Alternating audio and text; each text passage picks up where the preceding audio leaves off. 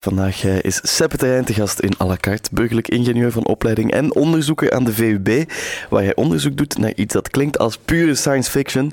Het gaat over zelfhelende robots. Dat zijn dus van die Terminator-toestanden, dat beeld ik mij toch in.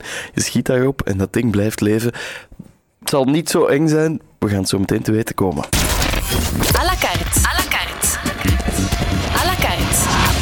Met Robbe Petitjean en Robert Esselings. Seppe Terrein, 27 jaar, burgerlijk ingenieur, onderzoeker aan de VUB en een doctoraat behaald onlangs in oktober, heb ik gehoord.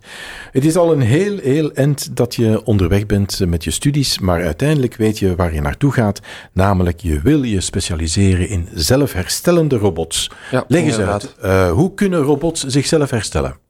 Ja, dus wij zijn eh, een tijdje geleden, vijf jaar geleden, gestart met een volledig nieuw onderzoek. En daarin maken we eigenlijk robots uit speciale materialen, zodat we eigenlijk componenten maken die daadwerkelijk, als we er een snede in maken of grote beschadigingen in maken, kunnen volledig genezen.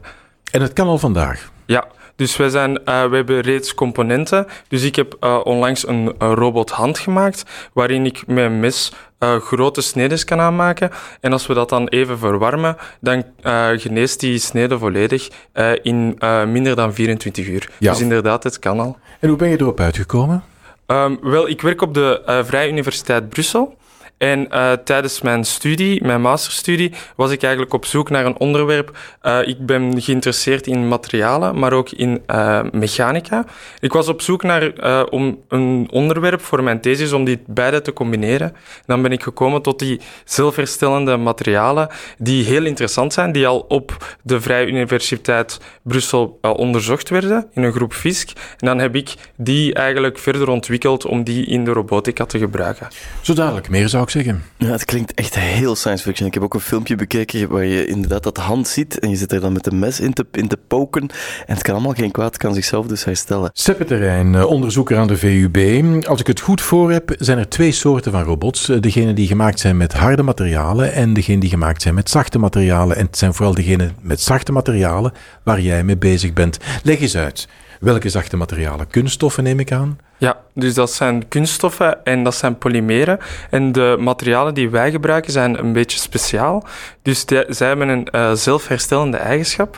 Nu, die eh, zelfherstellende eigenschap komt eigenlijk door speciale chemische bindingen die zich bevinden in dit polymeer. Dat is eigenlijk een soort van netwerkstructuur van koolstofketens, waarin dan speciale chemische bindingen aanwezig zijn die kunnen breken. Ze breken bijvoorbeeld wanneer we erin snijden en we dus dat materiaal beschadigen. Maar die bindingen die kunnen ook opnieuw gevormd worden. En dat is wel speciaal. En eh, we kunnen die terug eh, laten vormen door die scheuren terug bij elkaar te brengen. Nu, om die scheuren terug bij elkaar te brengen, eh, hebben we soms wat een verhoogde mobiliteit nodig. Want we kunnen een scheur die open staat niet dichten door materiaal te laten groeien. Want eh, je hebt behoud van massa, dus dat kunnen we niet doen. Maar wat dat we wel kunnen doen, is dat als we die scheuren tegen elkaar krijgen, door bijvoorbeeld de mobiliteit te verhogen, door op te warmen, Ja. dan eh, kunnen die bindingen teruggevormd worden en is die scheur volledig hersteld. Ja, voor wie de weg nog niet helemaal kwijt is, want we zijn helemaal into jongens en wetenschap. Je kan die polymeren eigenlijk opnieuw laten herstellen door die temperatuur op te voeren tot 80 graden. Ja. Maar, maar dat onderstelt natuurlijk wel een, eh, ja, een, een ingrijpen van de mens. Maar jij zit al op een pad iets verder. Je zou ook die polymeren kunnen laten herstellen, zichzelf laten herstellen bij kamertemperatuur. Ja. En dat is natuurlijk iets helemaal anders. Ja, dus, dus eh, mijn onderzoek is gestart met die polymeren die ehm, inderdaad moesten genezen door eh, 80, tem- eh, 80 graden, ehm, ehm, dus een beetje te verwarmen. Nu ben ik naar, op zoek gegaan naar manieren om die temperatuur te verlagen naar kamertemperatuur, omdat we dan niet meer moeten verwarmen. En dat is wel interessant. Ehm, en eh, onlangs, dus eh, vorig jaar, is dat wel gelukt en hebben we dus ook nu materialen die volledig op kamertemperatuur kunnen genezen. Nu, de genezing duurt dan iets langer, eh, omdat we ja, zonder warmte... Warmte is eigenlijk een manier om die bindingen sneller te, te doen vormen, maar het werkt ook. Dus we kunnen ook volledige scheuren de genezen. Ja, en dat is dan toch wel een, een hele vooruitgang, zou ik zeggen. Want dan kunnen de robots zich helemaal zelf herstellen, zonder menselijk ingrijpen. Ja. Moeten we er bang van zijn? Het lijkt wel Frankenstein. Nu, dus u zei in het begin dat er twee typen robots zijn. Er zijn eh, robots gemaakt uit harde materialen en zachte Ja. materialen.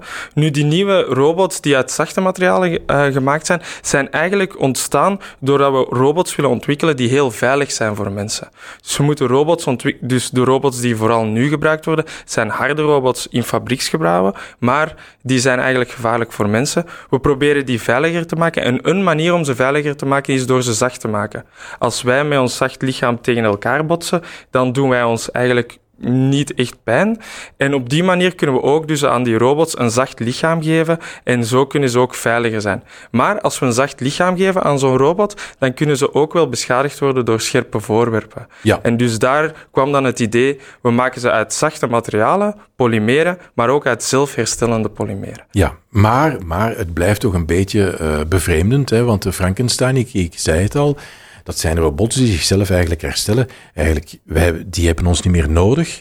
Dus dat kan eigenlijk wel een beetje schrikwekkend worden op den duur.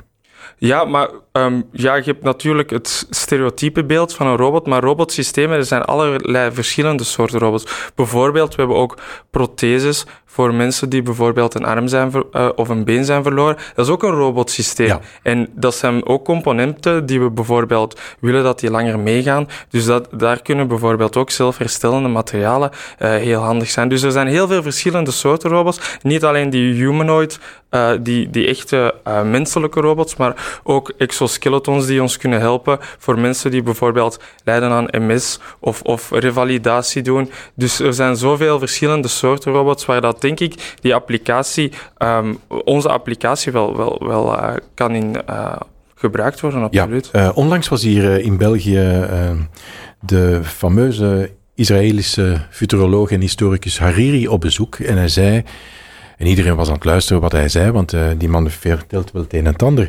Maar hij zei, kijk, eh, artificiële intelligentie, en dat heeft ermee te maken met die zelfherstellende robots, dat is eigenlijk een grote bedreiging voor de mensheid, naast atoomoorlog en naast de instorting van het klimaat. Dat was zijn mening. Wat vind jij daar zelf van? Ja, ik denk dat er bij zo'n nieuwe technologie, en zeker bij artificial intelligence, dat er altijd risico's aan verbonden zijn. We moeten daar heel voorzichtig mee zijn. We moeten op een ethische manier en een correcte, correcte manier uh, geïmplementeerd worden. Maar ik denk nog altijd dat uh, robots en artificiële intelligentie op ons op heel veel verschillende vlakken kunnen bijstaan en helpen. En dat dat voor een revolutie kan zorgen, ja, dat denk ik absoluut. Maar ik, denk, ik hoop en ik denk een positieve. Ja, je bent er dus niet bang van. Uh, ik, ben er, ik sta er dichtbij en daardoor ben ik er wel minder bang voor, ja. Ja, in het begin waren er natuurlijk ook mensen die gewoon schrik hadden van het wiel toen dat werd uitgevonden. En waar zouden we uh, staan zonder het wiel? Door opwarming kan een scheur uh, in het materiaal van de robot zichzelf dus herstellen. Eerst was dat op 80 graden, maar op kamertemperatuur werkt het nu dus ook. En als je denkt dat dat heel science fiction klinkt, zichzelf herstellen is iets dat je eigen lichaam ook kan tot op uh, zekere hoogte. Ja, Seppe, uh, je voert dit onderzoek natuurlijk niet alleen. Je werkt samen met universiteiten in uh, Engeland, Frankrijk, Duitsland en een Nederlands bedrijf. Hoe verloopt zo'n samenwerking eigenlijk? Ja, dus dat is een uh, jaar geleden begonnen. En uh, super interessant, want natuurlijk, nu zitten we. Dus het onderzoek is eerst gestart op de uh, Vrije Universiteit Brussel. En nu hebben we inderdaad van Europa geld gekregen. Een, een groot project, het Chiro-project, waarin dat we dan samen kunnen, kunnen werken aan dus een robot die dan volledig autonoom, dus zonder dat de mens ertussen komt, kan genezen. En daarvoor hebben we eigenlijk ook nog andere expertise nodig. Ja. Nu, wij zijn goed in de ontwikkeling van robots en ook de ontwikkeling van die zelfherstellende materialen. Maar we hebben ook uh, bijvoorbeeld sensoren nodig uh, die kunnen detecteren waar en hoe groot dan uh, een beschadiging is in zo'n robot. En om, en om die dingen er ook bij te betrekken, hebben we dus dat project groter gemaakt en hebben we de Universiteit van Cambridge bijvoorbeeld erbij genomen. Dan een ander, het bedrijf Suprapolix en de Universiteit van Parijs, die ontwikkelen ook andere zelfherstellende materialen, want wij hebben een materiaal met een bepaalde binding. Uh, de Diels-Alder-binding, maar zij hebben ook andere chemische bindingen die ook heel interessant zijn voor die robotica. Dus we zetten niet alleen in op dat ene materiaal, maar gaan nu verschillende wegen en, uh, inslaan om zo echt te kijken wat het beste is om, om die uh, robots zelfherstellend te maken. Ja, en hoe open zijn jullie onder elkaar? Want ik kan me voorstellen dat iemand zegt, oh, vertel het niet verder, want het is eigenlijk van ons. Ja, dus binnen dat project ehm, ja, moeten wij af en toe inderdaad kijken naar welke informatie dat we gaan beschermen en welke niet. Nu, uh, um, nu iedereen heeft wel zijn uh, technologie waar dat hij aan werkt op dit moment. Maar we proberen die wel echt uh, te gebruiken in de verschillende uh, instituten ook. Dus zo worden er bijvoorbeeld wel al materialen opgestuurd van ons naar de andere instituten om zo te kijken, kunnen we daar sensoren in brengen en zo. Dus er, de samenwerking is eigenlijk best wel intens op dit moment. Ja, je probeert ook uh, misschien binnenkort een spin-off te maken, namelijk een, een commerciële... Ja ja, hoe zou ik het zeggen, afsplitsing van het, het onderzoek dat duur is en dat ook lang duurt. Uh, uh, hoe gaat dat in zijn werk? Kan je dan zeggen, kijk, dat is van ons, de Engelsen komen daar niet tussen en de Fransen komen daar niet tussen. Is dat op hetzelfde stramien ge gebouwd van je mag commercialiseren wat je eigenlijk alleen zelf ontwikkelt? Ja, je moet vooral uh, kijken naar hoe gaan we de technologie beschermen. Dus dat, er zijn manieren om, um, om te kijken hoe dat we die, die informatie inderdaad bij ons houden. Een manier is bijvoorbeeld patenten um, indienen. Uh, en die kunnen ervoor zorgen dat je in de toekomst de technologie bij, bij jou houdt en dat we inderdaad een valorisatie kunnen doen met een bedrijf. Dus we zijn nu uh, die technologie, het gaat best wel snel. Uh, dus op uh, vijf jaar tijd hebben we toch wel heel wat resultaten geboekt. Dus het is heel interessant om te kijken naar hoe gaan we dat commercialiseren of industrialiseren. En dat zijn we op dit moment aan het doen. Dus we zijn strategie een beetje aan het Ja. De VUB heeft wel een naam op het vlak van wetenschap. Hè. Ingrid Dobeschie vroeger. en er zijn nog een paar wiskundigen en ingenieurs die, die ver staan. Um, kan men zeggen dat de VUB um, ja, op wereldvlak staat waar die, waar die moet staan? Ja, er zijn natuurlijk heel veel verschillende uh, researchgroepen, uh, maar er, zijn, er wordt onge ongelooflijk veel interessant uh, onderzoek gedaan op de VUB en echt heel verschillend. Alleen al binnen de robotica hebben wij bijvoorbeeld heel kort geleden of, of enkele jaren geleden Brubotics ontwikkeld en dat zijn alle verschillende onderzoeken die iets te maken hebben met robotica, die dan gegroepeerd worden. Maar dat is dus niet alleen het bouwen van robots, maar dat is ook kijken naar het sociale aspect. Uh, hoe, hoe, kunnen we die robots in de uh, samenleving brengen? Ook kijken met kinesisten. Dus dat is heel breed. Dus alleen al binnen de robotica is er ongelooflijk veel werk. Maar daarbuiten nog, nog meer, ja. À la carte. Ja? Nee. En in de ja-nee-sectie uh, uh, moet je natuurlijk antwoorden met ja of met nee. Tussenin bestaat niet. Het is uh, bijna wetenschappelijk, zou ik zeggen. Je had het er net over ja, dat, je, dat je graag aan de VUB zit en dat die universiteit mogelijkheden biedt. Maar hier komt de eerste vraag. Jouw doel is eigenlijk onderzoek te kunnen voeren ooit in Amerika, want daar is veel meer mogelijk. nee. Brussel gaat er als stad op vooruit. Ja. Maar Mechelen is beter. Voor mij ja. Ja. En dan komen we tot de kern van de zaak. We komen altijd tot de kern van de zaak. Waarom vraag die, die, stel ik die vraag van Mechelen? Want je woont in Mechelen natuurlijk en je woont niet in ja. Brussel. Uh, waarom woon je in Mechelen? Um, ja, mijn roots liggen eigenlijk in Mechelen. Dus uh, ik ben teruggekeerd. Ik heb wel zelf zeven jaar uh, gewoond in Brussel. Was uh, superleuk. is nog altijd leuk, want Mechelen is absoluut niet ver van Brussel. Dus ik neem heel vaak de trein terug naar Brussel om daar weer uit te gaan. Maar ik heb toch mijn roots terug opgezocht in Mechelen en dat is ook heel fijn. Ja. in welke wijk woonde je in Brussel? ik heb in Etterbeek gewoond. Ah ja, vlakbij de campus. Ja. Dus uh, veel gestudeerd en terug uh, rap op kot en dan terug studeren. Ja, dus ik heb daar uh, even op kot gezeten. Dan hadden wij ook een appartement. En is wel, Etterbeek is ook een heel leuke buurt.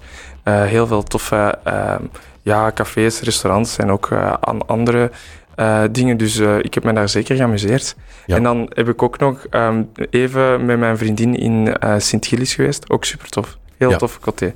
Ja, je zegt uh, daarnet, uh, Brussel gaat er als stad op vooruit en je antwoordde meteen ja. Terwijl veel mensen zeggen, kijk, Brussel gaat er al altijd op achteruit, maar ja, jij ziet dat anders. Ja, bon, dat is gewoon mijn persoonlijke ervaring. Um, ik heb een uh, goede relatie met Brussel. Um, ik vind dat hier uh, steeds leuke projecten worden gedaan, dat er heel veel, veel culturele uh, evenementen zijn en steeds nog bijkomen. Dus daarom dat ik ja geantwoord heb. Ja, het gaat erop vooruit. Op welke vlakken? Um, ja, dus zo, um, politiek en zo weet ik daar uh, niet zoveel van. Maar zoals ik zei, um, als ik zo kijk naar, naar wat Brussel te bieden heeft en de nieuwe uh, leuke evenementen en zo, dan, uh, dan, dan vind ik dat, dat er vooruit, Ja. op vooruit gaat. Ja. En voor jou is de VUB top, Ja. want je hebt daar bijkomende middelen gekregen en nu voel jij je de king op aarde. Terwijl iedereen, enfin, de, veel wetenschappers zeggen, Amerika dat is het mekka, daar moet men geraken. Jij zegt nee.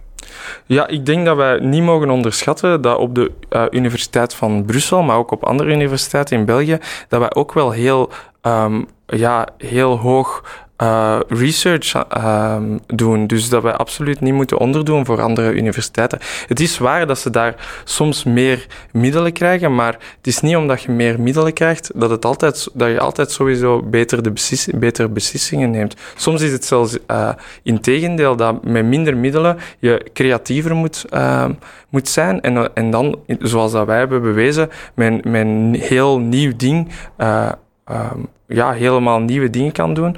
Uh, dus daarom verkies ik wel de VUB. En ook voor de gezelligheid en de, en, en, um, en, en de manier waarop de mensen daar met elkaar samenwerken. À la carte. Op de plank. Seppe, uh, we zijn aan het eind gekomen van het uh, programma. Uh, wat ligt er op de plank voor jou vandaag, de komende weken en de komende maanden op professioneel vlak? Ja, dus met dat nieuw project, heel interessant, hebben we heel wat middelen gekregen, maar dat wil natuurlijk ook zeggen dat we ook targets hebben gekregen. Dus doelen. Die, ja, doelen uh, die we moeten behalen uh, en die we moeten voorleggen. En uh, dus we moeten nu intensief samenwerken met die verschillende groepen om zo, zo snel mogelijk tot resultaten te komen. En vooral kijken of dat we de technologieën, dat we kruisbestuiving kunnen doen tussen die verschillende instituten en dat we dat dan kunnen aantonen en publiceren. En zo um, ja, ook publiek maken en kunnen aantonen dat er uit dat project waar dat we geld voor hebben gekregen ook inderdaad um, resultaten uitkomen. Hè. Ja, jullie hebben dus 3 miljoen gekregen van Europa. Ja. Dat is niet niks, maar goed, uh, het is ook rap op, vermoed ik, in wetenschappelijk onderzoek. Ja, dus de, een grote kost zijn natuurlijk mensen. Dat kost vooral uh, veel geld. En uh, die hebben we nu ter beschikking. Daar kunnen we wel heel veel mee doen. Uh, die materialen op zich zijn niet super duur. Dus dat is wel positief. Dus we zijn vooral aan het investeren in de juiste mensen die dan mee kunnen draaien in het onderzoek. Ja. Zit er een timing op om robots voor elkaar te krijgen met sensoren en met zelfherstellende polymeren? Um, ja, onze ambitie is dus om na driejarige uh, project wel echt een, een eerste prototype te hebben dat uh, dus zo'n uh, grote beschadigingen volledig zelf kan herstellen. Um, dat is natuurlijk een eerste prototype, dat is nog niet een, een commercieel product. daarvoor zullen er wel nog enkele jaren verder moeten gaan, want er zijn nog andere dingen die dan onderzocht moeten worden. kijken naar of dat er problemen zijn met toxiciteit enzovoort. Er zijn allemaal verschillende studies die daar dan nog moeten aangebreden worden. maar dus na drie jaar is de ambitie om wel zo'n uh, systeem te hebben dat volledig zelf herstelt. Wel, we zullen uitkijken. Ik uh, bekeek jouw cv en wat zag ik? Dat je eigenlijk uh, naast burgerlijk ingenieur ook een grote sportman bent of bent geweest. Want je hebt met de topploeg gespeeld van waterpolo. Ja. Dat is geen lichte sport. En je geeft ook af en toe skiles tijdens de vakanties. Ja. Je bent eigenlijk de ideale schoonzoon. Oh, dankjewel. Ja. maar... Uh... Nee, dus ja, met die waterpolo en ja, dus wel sportief bezig zijn. Um, ik heb met die waterpolo heel veel, een heel fijne tijd gehad. We speelden ook internationaal. Um, is ook wel een... Wat Want je zat in de topploeg hè, van ja, Vlaanderen. dus dat was wel de jeugd. Dus dat was de jeugdploeg. Ja. En uh, ja, dan hebben wij veel internationaal gespeeld. Uh, en uh, dat was dan tegen aller, allerhande Europese ploegen. Moesten wel dan uw mannetje staan. Um, uh, het is een super fijne sport, kan ik zeker aanraden aan iedereen. Ja. Staat België ergens met de waterpolo? Um, momenteel zijn, uh, ik weet niet specifiek, maar ik denk dat de nationale ploeg niet slecht bezig is. Mm. Um, maar ik zou het nog eens moeten nakijken. Ja. En skiën, dat geef je ook, skiles? Ja. Dus ik heb heel veel skiles gegeven. Dit jaar ga ik ook skiën. Ik ga geen les geven. We gaan even vakantie nemen. Um, maar is ook een heel fijne sport hè, om even uw gedachten um, te laten rusten en um, een zalige vakantie te hebben. Ja, en in de buitenlucht te zitten. Ja. En uh, waar gaat de ski uh, toch naartoe? Nu ga ik naar Oostenrijk. Oostenrijk. Ja. Ja. En ik ga zelfs ook één keer uh, touringski doen. Dus dat is skiën zonder skipas.